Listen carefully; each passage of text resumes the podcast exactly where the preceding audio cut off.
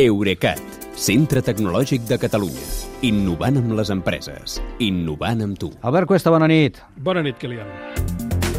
Dèiem que aquesta invasió d'Ucraïna, al principi del programa, està fent que Europa replantegi a marxes forçades moltes coses, però també la seva dependència de Rússia en àmbits com l'agroalimentari, que n'és un i molt clàssic i molt important, i l'energètic, que és tan clàssic i tan important com l'altre, o més. Uh, sí, perquè de fet el que passa és que hem balbaratat, diguem-ne, més de 10 anys bus per buscar alternatives al gas i al petroli rus i ara que Putin ensenya les urpes, correm-hi tots.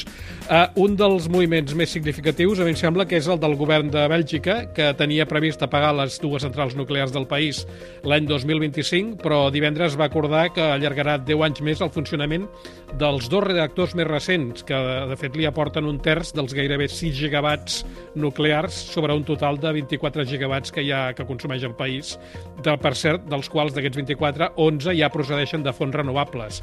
Entre una cosa i l'altra, aquests 11 i els que nuclears que mantindran, els belgues encara els quedarien per cobrir uns 8 gigawatts d'energia generadora d'emissions de CO2, però també tenen un pla molt ambiciós de parcs eòlics marins i de panells solars de cara al 2026.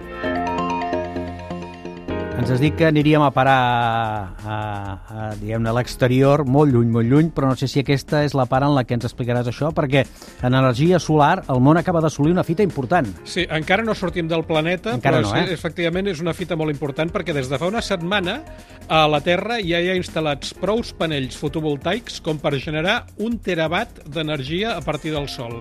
Eh, per fer-te una idea, si tots fossin en llocs amb una insolació mitjana de 3.000 hores anuals de llum solar, com és el cas de la nostra península ibèrica, eh, generarien un total de 3.000 terawatts hora. És fàcil de fer la multiplicació. Mm. I això és la demanda elèctrica de tota Europa, incloses Noruega, Suïssa, el Regne Unit i Ucraïna. Ara bé, insisteixo, aquests són els panells solars que hi ha a tot el món. Uh, ara la Unió Europea uh, obté del sol menys del 4% de l'energia que consumim, però segons Bloomberg, al ritme actual d'instal·lació, l'any 2040 la proporció de fotovoltaica ja serà del 5 vegades més, el 20%.